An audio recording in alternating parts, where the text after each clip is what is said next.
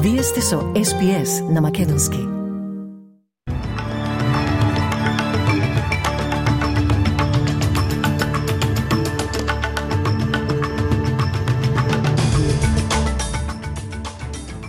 Денешниот бунт инвести издојуваме. Борбите меѓу Израел и Хамас продолжуваат додека двете страни ги бранат своите действија. Повеќе од 2 милиони австралици веќе го дадоа својот глас за референдумот за домородниот глас во парламентот. Забраната за мобилни телефони во средните училишта во Нов Јужен Велс стапува на сила. Постојано се зголемува бројот на македонски граѓани во Израел кои бараат помош од институциите. Евакуација се одвива постепено, велат од македонското МНР. Земјотресот во Афганистан го отежнува пристапот до храна и вода.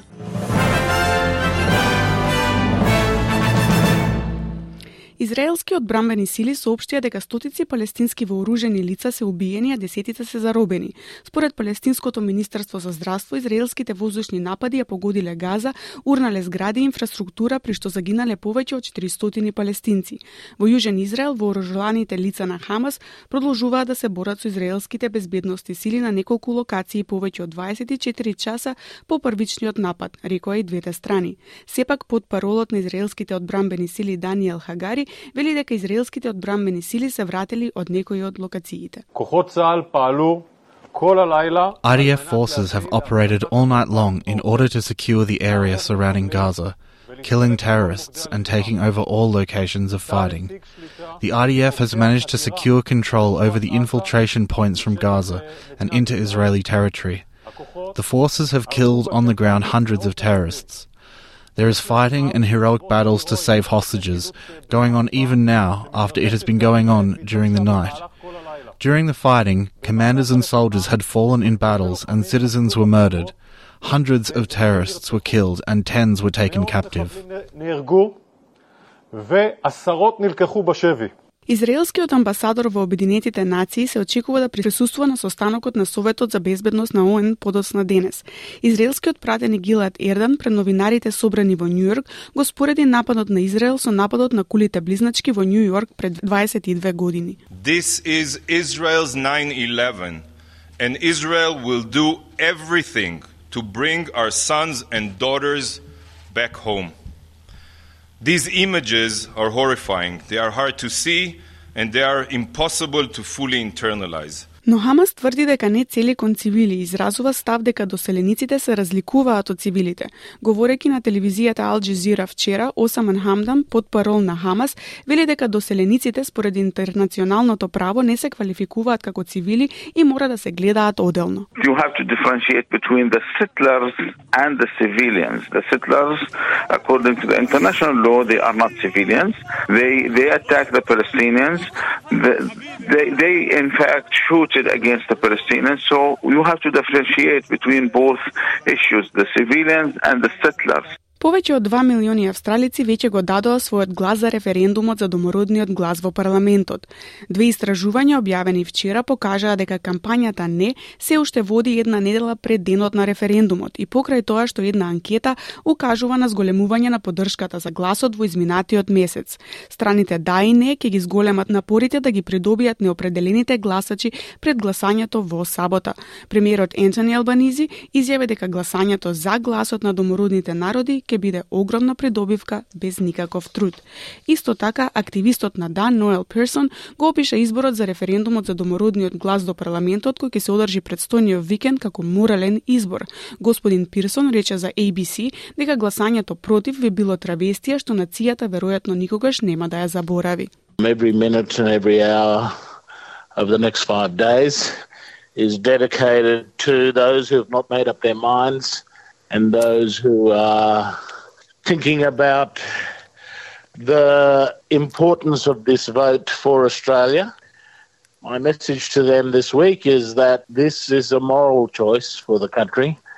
This is not just a question of constitutional law. Но независната сенаторка Лидија Торп се изјасни против гласот на митинг за смртта на домородните луѓе во притвор во Мелбурн изминатава сабота. You are being conned in this country right now. This is only to appease white guilt. This is not about giving us any rights at all. No rights.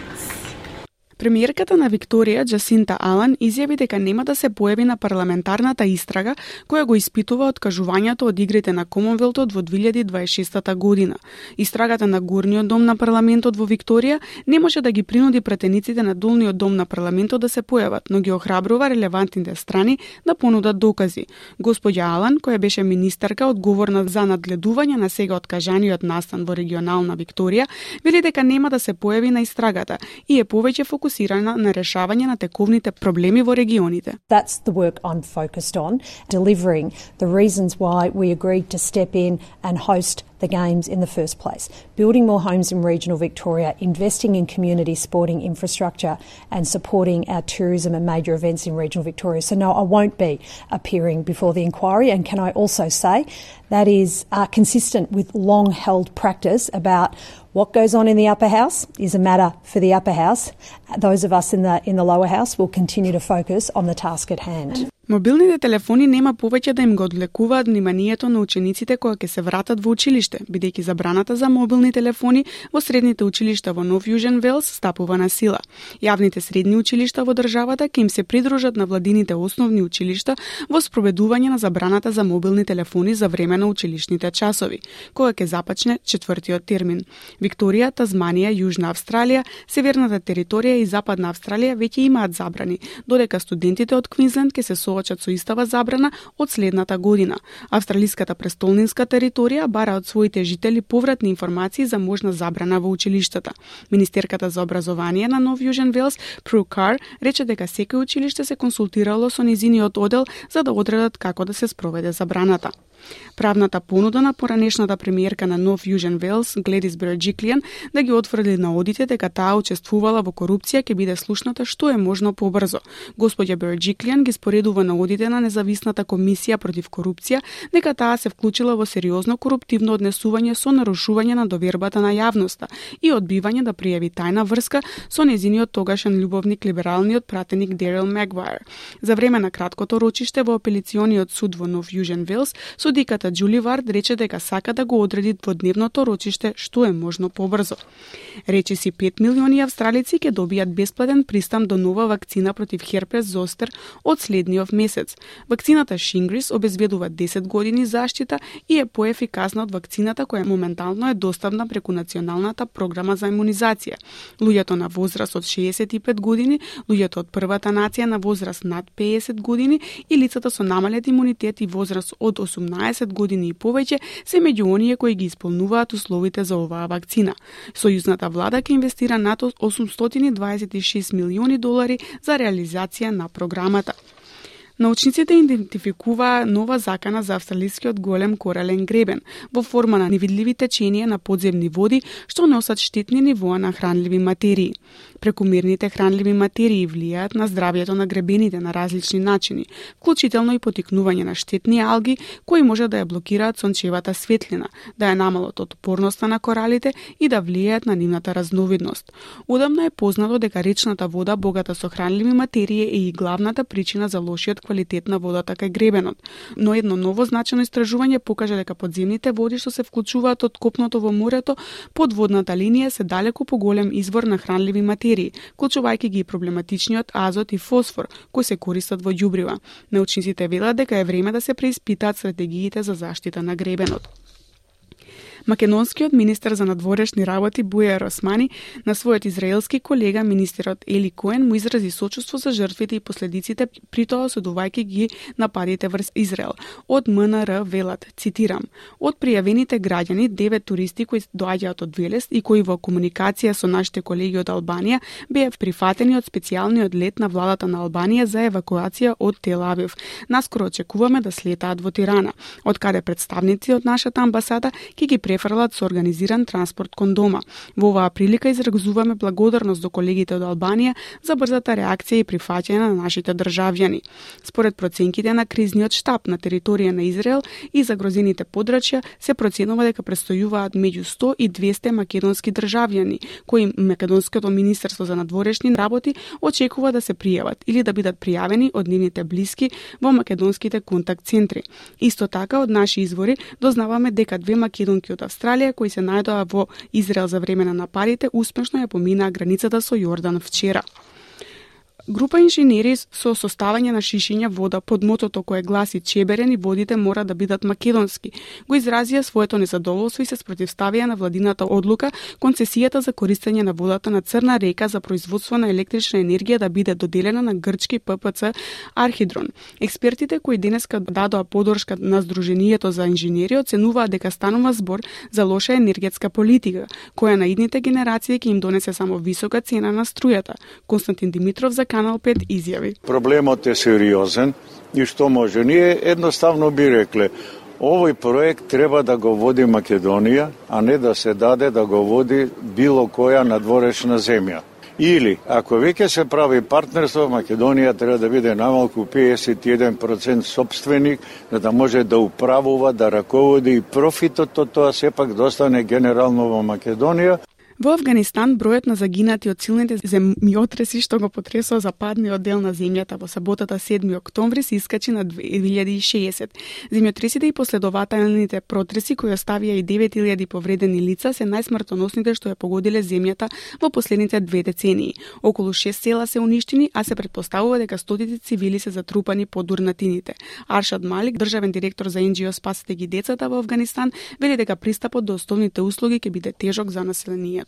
Children are definitely vulnerable. As I said, 9,000 families are um, like um, have their more than 9,000 families have their houses destroyed, and children are part of this. Like more than like we believe, thousands of children are vulnerable, and they have been forced out of their homes, and they need immediate shelter, food, and Од најновата курсна листа денеска, еден австралиски долар се менува за 0,60 евра, за 0,63 американски долари и за 36,82 македонски денари, додека еден американски долар се менува за 57,69 македонски денари, а пак едно евро се менува за 61,06 македонски денари. Од временската прогноза за главните градови утре во Перт повремено облачно со температура до 22 степени, Аделаид сончево 25 степени, во Мелбурн повремено облачно со температура до 17 степени, во Хобарт облачно 17 степени, а пак во Камбера повремено облачно со температура до 22 степени, во Сиднеј можни врнежи од дожд и температура до 22 степени, во Бризбен умерено сончево со температура од 27 степени, во Дарвин можни врнежи од дожд и температура до 34 степени, а во Али Спрингс сончево со температура до 31 степен.